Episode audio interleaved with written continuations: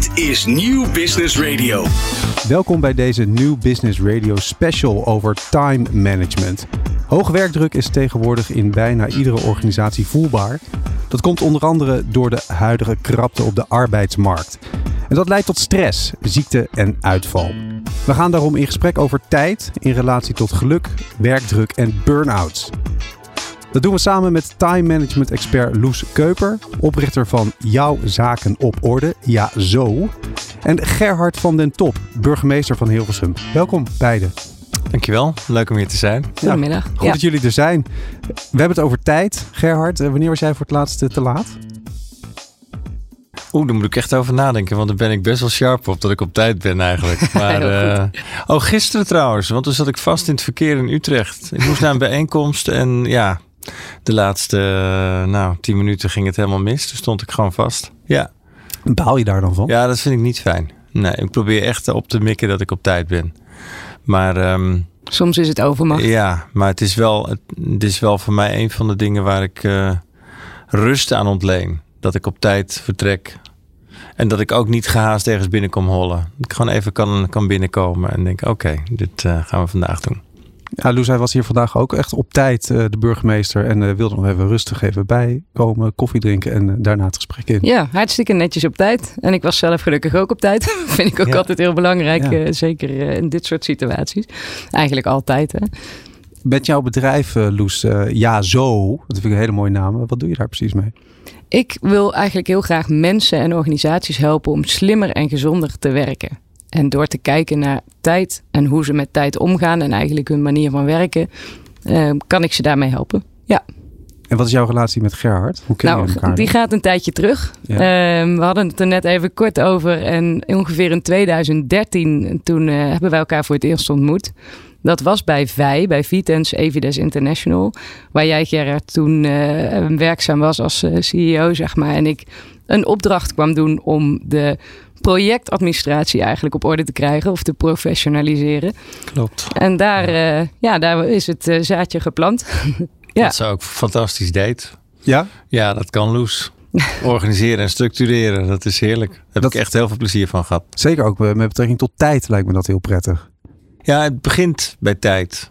ja. denk ik. Het begint bij ehm, met ook wel een beetje bij vooruitblikken op je tijd. Dus niet te wachten tot het zover is, maar ook eh, kijken waar ga ik naartoe en wat ligt daar voor mijn neus. Want op het moment dat je te laat vooruit kijkt, dan ben je eigenlijk al aan het achteruit hollen. En dus het is de kunst een beetje om je tijd goed ehm, voor ogen te hebben. Maar het helpt ook, en dat heeft Loes toen bij ons goed gedaan, om je systemen die je nodig hebt, informatie die je nodig hebt, je agenda natuurlijk, maar ook je files, om die gewoon heel goed eh, paraat hebben. Dat je erbij kan. Dat je niet hoeft te gaan zoeken van waar staat het ook alweer. Dus die combinatie van organiseren en ook structureren, zorgen dat je alles bij de hand hebt wat je nodig hebt. Ja, dat is eh, jouw kracht. Dat kan je goed. Dankjewel. En dat scheelt inderdaad tijd naar zoeken. En, en wat je zelf ook zegt, ehm, heel vaak als we dat niet zo goed op orde hebben, dan leven we iets te veel in het verleden. Maar door het goed op orde te hebben, kun je veel beter vooruitkijken. Ja. Ja, Loes, wat wil jij heel graag van Gerhard weten? Nu, hij, jij hebt hem hier aan tafel. ja nou hartstikke leuk. tijd gemaakt. Jazeker, nou dat is hartstikke mooi en hartstikke leuk. En ook nog heel snel ging dat. Eh, nou, eh, laten we het vooral over tijd hebben. Ehm, ja, Gerrit, ik ben eigenlijk wel heel benieuwd. Je hebt er al wel een beetje over verteld. Maar wat tijd nou inderdaad, ehm, ja, wat het concept tijd voor jou nou betekent. Of je dat nog iets breder misschien kan vertellen. Ja, ik, ik dacht het is leuk. Komt misschien nu te binnen hoor. Maar eh, ik heb een hele goede vriend waar ik al heel lang mee optrek. En die schetst wel eens als ideaal. En dat ken je waarschijnlijk wel. Die strip van Dagobert Duck. Die in zijn bad met geld zwemt. Ja, zeker. En hij zegt: Ik wil eigenlijk het gevoel hebben dat ik in een bad met tijd zwem. Dat ik mijn vingers, dat ik de tijd door mijn vingers kan laten rollen. Fantastisch lijkt En me. dat beeld, dat probeer ik altijd een beetje voor mezelf vast te houden. Dat eh, de tijd eh, is natuurlijk altijd eigenlijk te kort. En er is altijd te veel voor de tijd die je hebt. Maar het gevoel dat je ook heel veel tijd hebt en kunt maken om de dingen die je belangrijk vindt ook aandacht te geven. Dat, eh, dat is het beginpunt van rust. Ja. En rust is heel belangrijk om, eh, om anderen ook rust te geven en ook om ehm, prioriteit te geven. Ja. En, en zo probeer ik eigenlijk in mijn eigen leven te voorkomen dat ik word geleefd. En dat ik, dat ik zelf bepaal waar mijn tijd uit dat grote pakhuis van Dagobert waar dat aan wordt besteed. Ja, nou dat, dat snap ik heel erg goed. En zeker in het drukke leven waar jij je in bevindt. Um, met een kleine uh, link naar water lijkt dat misschien soms wel een speedboot, denk ik.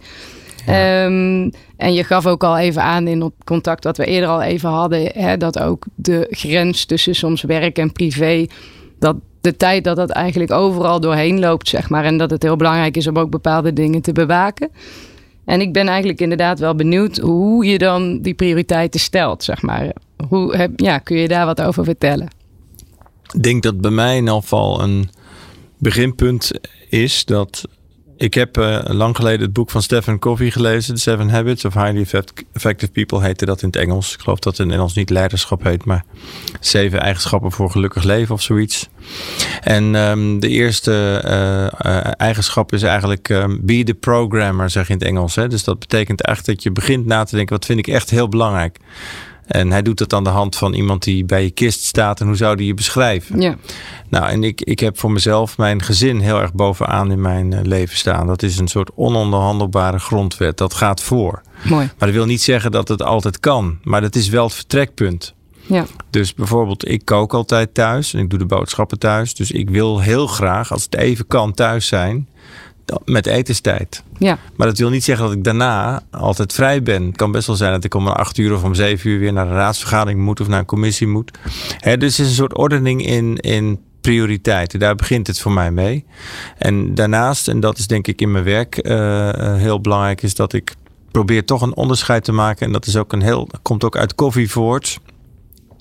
Er zijn belangrijke dingen en er zijn urgente dingen. Ja, dat klopt. En het, is, het is best wel een valkuil om te veel in de urgenties terecht te komen. Want dan, ben je, dan, dan stel je uit wat belangrijk is. Dus ik probeer heel goed na te denken of te voelen van wat moet ik echt nu doen?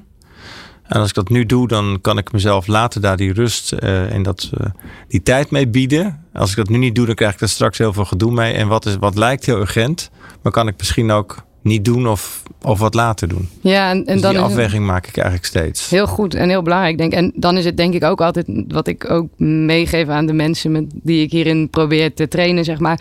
Met het oog op urgentie. En belangrijk dat, uh, dat het ook vaak zo is als iemand naar je toe komt met iets wat urgent is. Of dat iets naar je toe komt wat urgent is.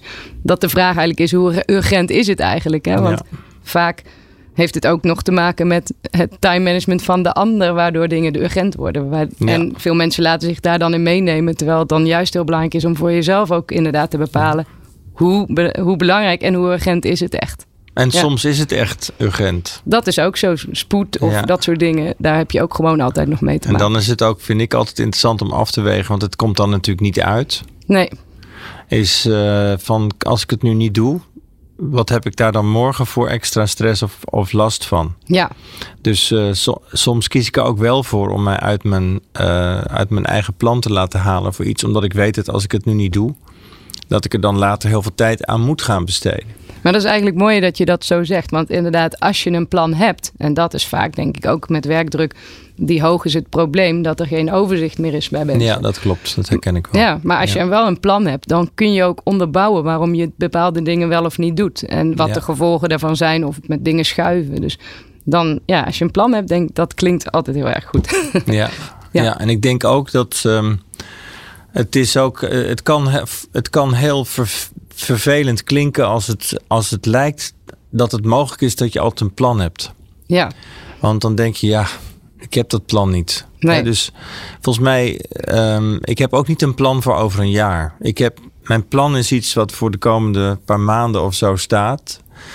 Maar ik heb ook wel gewoon heel veel dingen waar ik gewoon helemaal niet aan plan en die gewoon wel gebeuren. Dus, dus um, uh, je, je kunt ook niet helemaal gepland leven. Hè? Dat is ook een beetje. En er moet ook ruimte zijn voor spontaniteit. Dus uh, het gaat een beetje dat je een structuurtje hebt staan waarmee je kan werken. Maar vooral ook dat je de ruimte houdt om af en toe eens iets te doen wat je helemaal niet van plan was. Ja, nee, anders wordt het ook zo zijn. Nee, maar dat is eigenlijk ook, want dat is mooi dat je dat zegt. Dat is eigenlijk ook altijd mijn idee. Als je een soort kaders hebt of een soort basisstructuur, die niet helemaal dichtgetimmerd is. Nee, dat, dat kan ook niet. Um, maar dan heb je juist de ruimte om wat flexibel te kunnen zijn. Dat is eigenlijk inderdaad het idee. En het plan, ik moet je eerlijk zeggen, eh, ik heb ook geen idee eh, hoe het er over een jaar uitziet of dat soort dingen. Maar het is meer dat je voor de korte tijd of de dingen die nu moeten gebeuren, dat je dat um, een beetje inzichtelijk hebt en dat je daar juist kunt mee kunt spelen en mee kunt schuiven. Ja. Ja. Wat zou je zelf toch graag anders nog willen doen? Waar zou je toch nog een klein beetje eh, in mee kunnen spelen als je zegt van nou, als ik naar mijn eigen tijdmanagement of hoe ik omga met tijd of met mijn energie ga, waar kan ik nog wat in leren of ontwikkelen? Nou, ik denk ehm, dat ik de afgelopen jaren eh, in de combinatie van een jong gezin en vrijwilligerswerk wat ik erbij doe en mijn baan eh, en mijn nevenfuncties, dat ik eh, eigenlijk structureel te weinig aandacht voor mezelf overhoud, gewoon voor een boek. Ja, Of voor, eh, voor slaap. ook niet onbelangrijk. dus, dus ja, ik, heb, ik denk dat ik geluk heb dat ik fysiek eh, best wel sterk ben. Ja, En dat ik niet eh, ehm, ben geknakt. Want ik heb ook wel ontzettend veel eh, te, te verduren gehad in, in, in, in totale workload. Hè? Als je en Ja. je gezin en, en nevenfuncties en dingen in de buurt. En voor het zeilen van de kinderen en boodschappen. En alles wat er dan bij komt. Ik kan een huis bouwen. Want ik heb hier pas ook nog een huis gebouwd. oh, ook dat nog. ja, dan, dan zeggen mensen wel eens van goh. eh, en dat voel ik zelf ook wel. Ja. Ik heb al heel lang, bijvoorbeeld, ik ben al heel lang niet meer naar een mooie film geweest. Nee, Terwijl ik cultuur hartstikke leuk vind. En hier in Hilversum een filmtheater is. Ja. En ook eh, de VU en, en, en de Forstin en musea. En er zijn allemaal hartstikke mooie dingen hier om te doen. ja, zeker. Hè? En het MCO, muziekcentrum. Ik bedoel, ja, daar verlang ik wel naar. Om daar Ja. tijd voor te maken. Ja. En dat, dat gaat op dit moment, dat, dat krijgt niet de voorrang die het eigenlijk verdient, vind ik. Gaat dat wel gebeuren, denk je, op een gegeven moment? En wat is Nou, daar wat- dan voor nodig? Nou, ik, ik, ik probeer mezelf eh, in die zin, maar dat is misschien ook een, eh een fopspeen hoor, waar ik mezelf mee tevreden m- moet stellen. Ik geloof echt in de, in de levensfase van de mens. Dus dat je niet alles tegelijkertijd kan doen. En dat het gewoon ook deel is van deze levensfase van kinderen die naar de middelbare school gaan, waar ik gewoon echt prioriteit aan wil geven. En daar heb ik ook heel veel plezier van. Dat doe ik ook met heel veel plezier. Mhm. betekent dat je elk weekend op het water zit met je kinderen. ja, Ja, en dan kom je zondagavond thuis met al die bootjes. En Ja, dan is er gewoon maar één ding te doen, is gewoon lezen. ja. Voor de volgende dag. Dan moet je 's ochtends gewoon weer, weer er zijn. Dus dan kan je wel zeggen, ik had dit weekend ook naar de film willen gaan. Maar dan doe je jezelf eh, eigenlijk alleen maar chagrijn aan. ja. Dus ik zeg voor mezelf van er komt een tijd, dan gaan de kids studeren. En dan krijg ik daar weer meer wat, wat meer tijd voor. En ik denk dus dat er ook volgordelijkheid is. ja. Hè, dat je in sommige levensfasen sommige dingen doet en in andere Mhm. levensfasen weer andere dingen doet. En je moet niet alles proberen te doen tegelijkertijd. Want dan word je heel ongelukkig, want dan lukt de helft gewoon niet. Nee, dus het is ook een stukje acceptatie van de keuzes Ja. die je op dat moment gemaakt Ja, hebt. het is wel Ja. keuzes maken. Dat Ja. denk ik. Ja, dat ik denk kan ik niet ook. alles. Nee. In, in hoeverre kan je dat van tevoren eh, plannen? Hoe heb jij dat gedaan? Nou, ik, ik denk dat, ehm, dat eh, het planbare eh, is dat je eh, elk, voor mijzelf is dat dan, hè, voor als ik kijk naar eh, ehm, de zomer van dit jaar, dan weet ik gewoon wat ik ongeveer aan dingen te doen heb. En, en dan kan ik, dat, dat doe ik ook echt. Ik plan mijn vakanties een jaar van tevoren. Ik boek accommodaties. Ik zorg dat ik weet in welke week. Het, ik stem dat af met mijn vrouw. En die heeft ook een hele best wel zware baan. Ik check het ook met wat de kinderen dan allemaal aan plannen met het WK dit jaar zeilen. Mhm. Ja, dat moet er allemaal bij passen. Dan ben ik nu ook voor volgend jaar weer. Dan kijk ik naar wat moet ik hier zijn voor alle herdenkingen en dingen. Dus ik ben Ja. wel heel ver vooruit aan het kijken altijd. Van wat gebeurt daar op die horizon? Ja. En wat moet ik nu doen om dan geen stress te krijgen? Ja. Dus dat is wel een beetje mijn horizon. Ik kijk ver vooruit. Ja. En daarmee probeer ik eigenlijk rust eh, in dat eh, op de weg er naartoe te organiseren. Door te zeggen, nou dan gaan we dat dan doen. En ja, dan doen we dat dus niet. Nee. Dat is een beetje, dat is dat keuzes maken. Ja. Ja. En dan creëer je ook de dingen om lekker naar uit te kijken, zeg maar. Ja. Ehm Gerrit, ja, we hebben het nou eh, best wel gehad even over jou, jouw tijd en hoe je daarmee omgaat. Ehm nou was het de vorige week de week van de werkstress, zeg maar. En er kwamen ook weer eh, nieuwe cijfers. En ehm, ja, de, die zijn eigenlijk nog steeds schrikbarend als het gaat om burn-outs en werkdruk. 1,3 miljoen mensen in eh, Nederland die daarmee eh, te maken hebben, zeg maar. Ja, Zo. 11 miljoen verzuimdagen. Ehm, bij meer dan 3 miljard euro.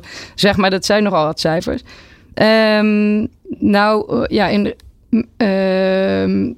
in relatie tot die werkdruk, hoe, hoe is dat bij de gemeente Hilversum, zeg maar? Nou, dat is, uh, bij, ik denk bij alle gemeenten en dus ook bij de gemeente Hilversum en ook bij onze regionale uitvoeringsorganisatie Gooi en Vecht en ook bij de brandweer. Ja. Is, dat is een heel breed fenomeen. Ja. En dat komt deels omdat we uh, heel veel opdrachten stapelen. Het is een hele ingewikkelde tijd. Uh, bij de brandweer hebben we net, de veiligheidszegger hebben we net de hele coronatijd gehad. Nu de ja. vluchtelingenopvang. Bij um, de veiligheidsregio of bij de regionale uitvoeringsorganisatie heb je heel veel problemen rond de jeugdzorg hè, en rond uh, nou ja, de, de welzijnssituatie in onze gezinnen hier in, um, in, in deze regio. Dus eigenlijk heb je permanent te weinig mensen. Politie ja. geldt hetzelfde. De, wordt ook enorm belast. Ook heel veel vacatures. Mensen die uitstromen nu. De babyboomers gaan weg. Ja. De jongeren moeten nog worden opgeleid. En je ziet, en dat is ook uh, ja, toch ook een heel uh, fenomeen van deze tijd is dat de arbeidsmarkt uh, best krap is. Ja. Dus we hebben veel vacatures en het werk moet toch gedaan. En, en dat, dat is mijn rol een beetje als, als voorzitter van zo'n gemeenteraad en ook van een college, is je, je moet ook rekening houden met elkaar. Ja, zeker. Dus als je niet, als je niet uh, kunt kiezen zelf en allemaal opdrachten afgeeft, uh, omdat alles even belangrijk is, ja, dan jaag je ook je organisatie uh, stuk. Ja. Dus ik, ik, voel mezelf ook wel een beetje de hoeder van, de, van het goede opdrachtgeverschap. Ja, dat dus dat niet alles dat kan. Het, dat, ja. ja. dat je keuzes maakt. Ja, dat je met de mensen die er zijn moet het gebeuren. En het moet ook natuurlijk niet zo zijn als, als er een krapte is... dat de mensen die er wel zijn dan veel te En dat zijn. gebeurt voor een deel. Hè, want hier in Hilversum hebben we een heel groot aantal Oekraïners opgevangen. Ja, mooi. En dat is allemaal gedaan. En dat is echt niet te geloven door mensen in hun vrije tijd. Die Nou. waren gewoon s'nachts draaiden Ja. ze nachtdienst hier in de opvang. Deden alle registratie. Hè, allerlei zaken rond eh, begeleiding. Ja. Mensen krijgen wel eens een keer akkefietjes met elkaar in zo'n opvang. Ja.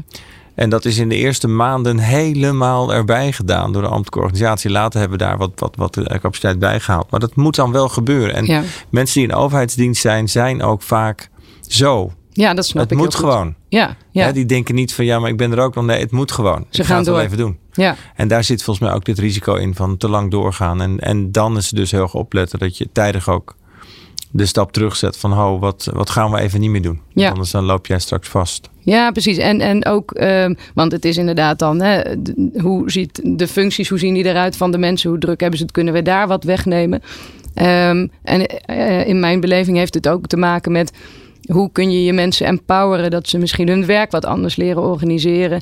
En op die manier eh, hun tijd misschien anders kunnen managen of hun energie. Ja. Ehm, hoe, hoe gaan, hebben jullie daar ook ideeën over? Hoe, ga, hoe gaan jullie daarmee om met jullie mensen, zeg maar? Nou, wat.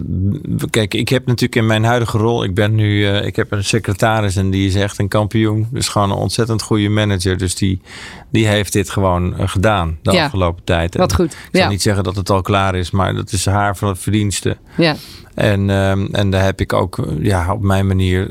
Ik ben een, meer een aanspreekpunt voor haar dan dat ik het zelf doe. ja. Maar de kern is volgens mij, eh, hoe je het ook organiseert, dat mensen zich in elk geval welkom voelen om het te zeggen. ja.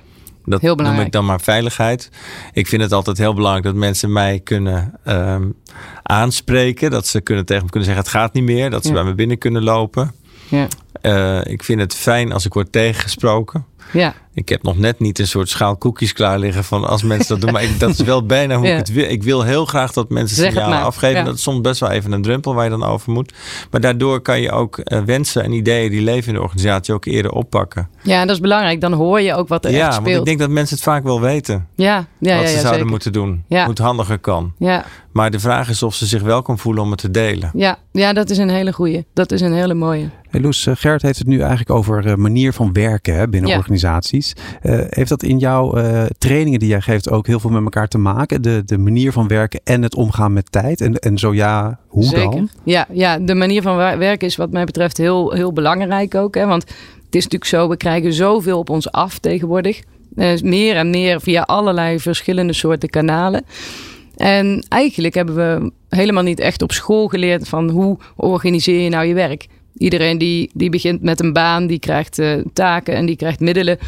Maar niet echt de uitleg van hoe organiseer je het nou. En ik Nee. denk dat daar heel veel uh, winst te behalen is. En dat is inderdaad wat ik met mijn training ook uh, ja, probeer uh, te bewerkstelligen, zeg maar. kan je daar een voorbeeld van geven? Hoe doe je dat dan? Hoe leer je samen met mensen hoe je dat dan doet? Ja, ik, ik probeer de mensen bewust te maken van um, hoe werkt nou eigenlijk je brein? Want dat is ook uh, een, een heel belangrijk eerste iets. Want wat ja. ik uiteindelijk wil doen is voorkomen dat mensen burn-out klachten krijgen. Hè. Dus dan is het wel belangrijk om te, te weten hoe werkt nou eigenlijk je brein. Um, dus dat doen we. En dan kijken we ook, nou, gedrag veranderen, dat is ook hartstikke lastig. Hè? Dus dan neem ik ze ook eerst erin mee van hoe, wat is nou belangrijk als je echt gedrag wil veranderen. Ik geloof zelf niet zo om, uh, om ze dan bijvoorbeeld een dagdeel te vertellen hoe je het ook kan doen. En dan met de hoop dat de volgende dag dingen anders gaan. Nee, ik neem ze er wel echt een uh, maand of drie, vier in mee. En dan zijn ze daar wekelijks mee bezig. En dan gaan ze echt aan de slag met hun systeem hoe kun je nou wat meer grip krijgen op de kanalen waardoor je dingen tot je krijgt. En ook de plekken waar je dingen naartoe kan brengen. Zoals je takenlijst, je agenda, je archief. Mhm. Dat dat op orde is. En vervolgens, hoe maak je nou goede keuzes? En dan kijk ik met ze naar eh, de factoren die daar invloed op hebben. Zoals op organisatieniveau, teamniveau en individueel niveau.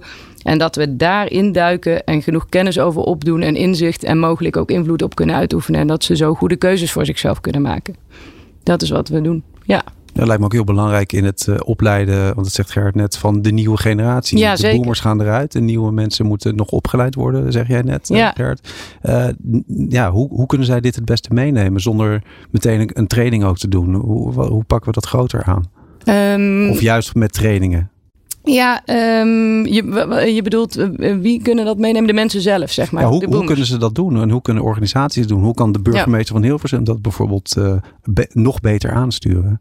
Heb je daar ja. ideeën bij? Ja, nou ja, wat ik bijvoorbeeld ook vaak zie is dat uh, mensen ook wel opleidings- of ontwikkelbudgetten hebben, zeg maar, uh, die vaak niet optimaal worden ingezet, omdat er eigenlijk vaak ook niet echt suggesties worden aangedragen. En dat mensen eigenlijk vaak de druk hebben om die budgetten te gebruiken.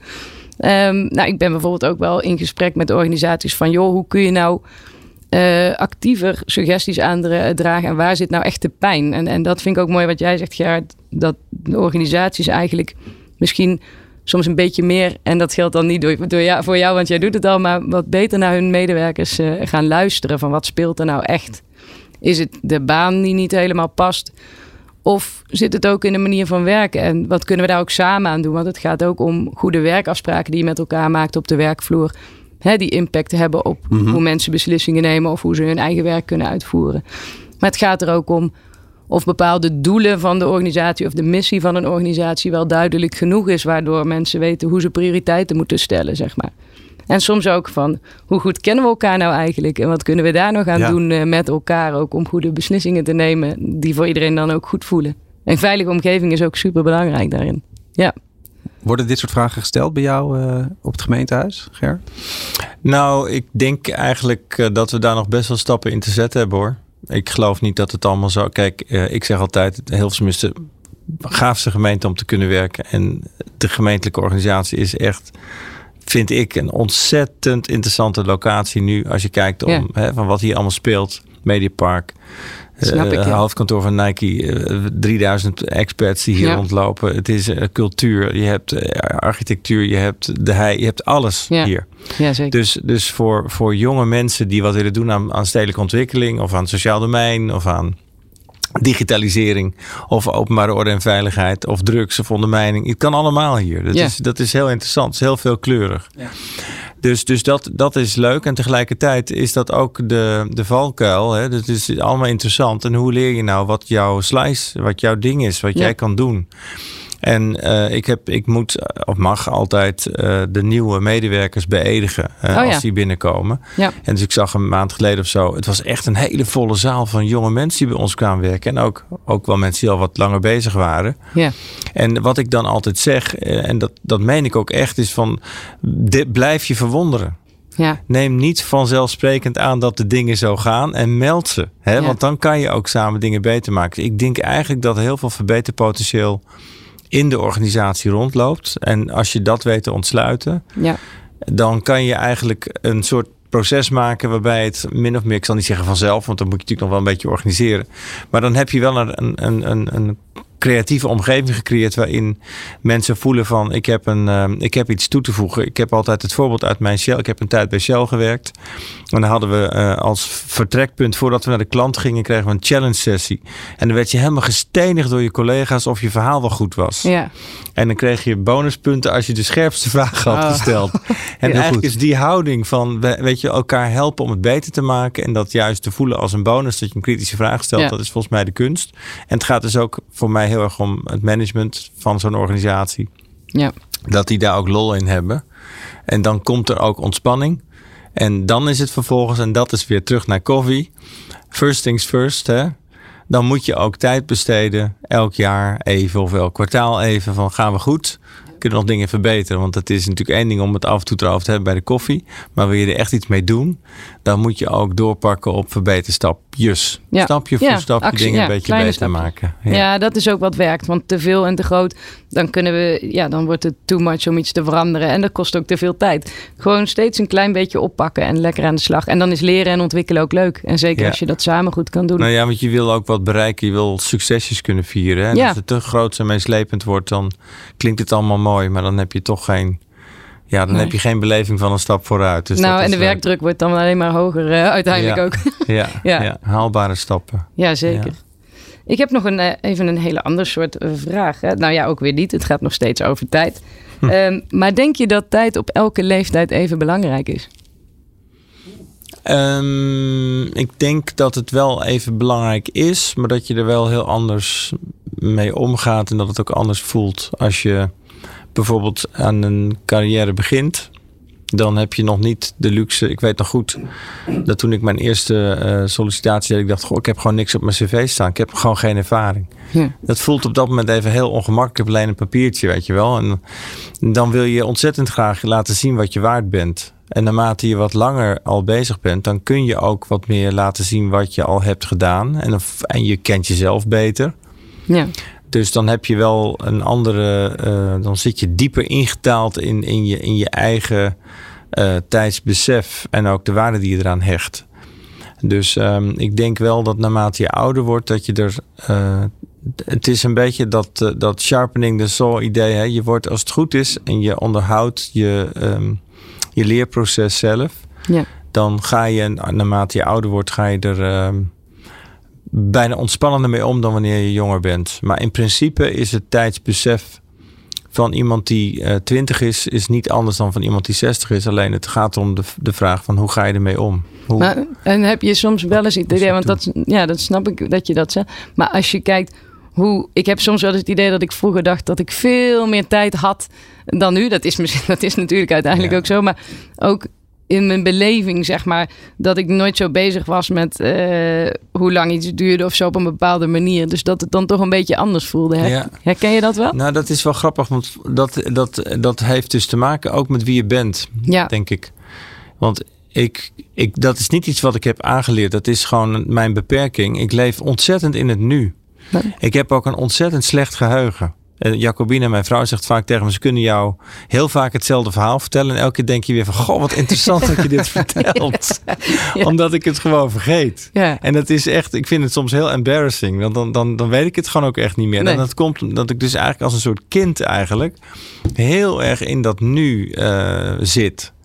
En, en, dat ik wel zeg maar mijn momenten kies om even te kijken, goh, waar ga ik naartoe? Wat, wat, wat was ik weer de volgende speeltuin? Dat klinkt een beetje plat, maar ik probeer heel erg bij het nu te blijven. En ja. daardoor is dat besef van die tijd ook niet zoveel anders geworden dan toen ik 18 was. Ja, dat snap ik. Ik vind het wel mooi ja. dat je het zegt, want ik denk dat heel veel mensen het best lastig vinden om in het nu te zijn. En dat we heel vaak ook ja. bezig zijn met wat al geweest is of wat nog moet komen.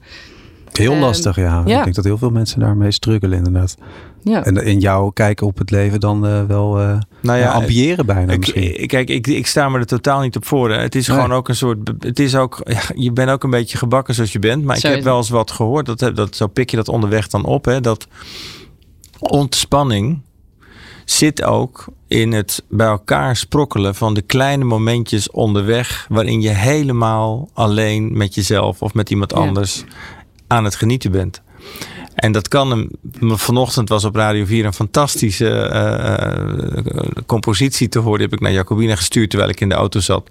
Omdat ik er zelf van genoot in die vier minuten dat ik in de auto zat tussen school en mijn werk. Ja, mooi. En dat is een ontspanningsmoment. Een geluksmomentje. En volgens mij is wel levenskunst. En daar gaat het wel een beetje om. Volgens mij in tijd een plek geven in je leven. Dat je het ook wel weet op te knippen in kleine uh, hoe noem je dat? Snacks. Ja. dat je ook de kleine dingetjes onderweg die je krijgt, ook echt als cadeautjes ontvangt en proeft op je tong van wauw, dit was mooi. Dit was een mooi moment. Ja. En in plaats van dat die hele dag en alles wat er moet gebeuren, als het grote brei op je af te zien komen.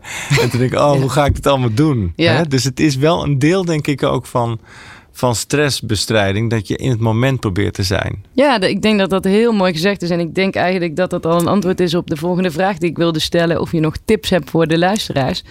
Ik denk dat, dat als we dat allemaal een beetje meer proberen te doen met elkaar, dat het ook het geluksgevoel van iedereen ten goede komt. En ik denk dat dat uh, nu de grote opgave is. Omdat de wereld zo op je afkomt. Ja. Uh, in mijn, op mijn WhatsApp uh, is mijn uh, credo Carpe Diem. Ja, Pluk de dag. Mooi. En dat, is, dat blijft levenskunst, denk zeker ik. En ook weten. tijdkunst. Ja, zeker weten. Nou, hartstikke fijn voor dit mooie gesprek, Gert. Dank je wel. Graag gedaan. En, ik geef het woord weer even terug aan jou, Volkert. Ja, want tot zover deze New Business Radio special over time management. We hadden het over tijd in relatie tot geluk, werkdruk en burn-outs onder andere. Het gast waren time management expert Loes Keuper. Zij is ook oprichter van Ja Zo, jouw zaken op orde. En Gerhard van den Top, hij is burgemeester van Hilversum. Dank beiden. Heel graag gedaan, dankjewel. Graag Mooi dat jullie er waren. Je kan dit gesprek uh, ook als podcast terugvinden in je favoriete podcast app. Voor nu bedankt voor het luisteren en tot de volgende keer. Van hippe start-up tot ijzersterke multinational. Iedereen praat mee. Dit is New Business Radio.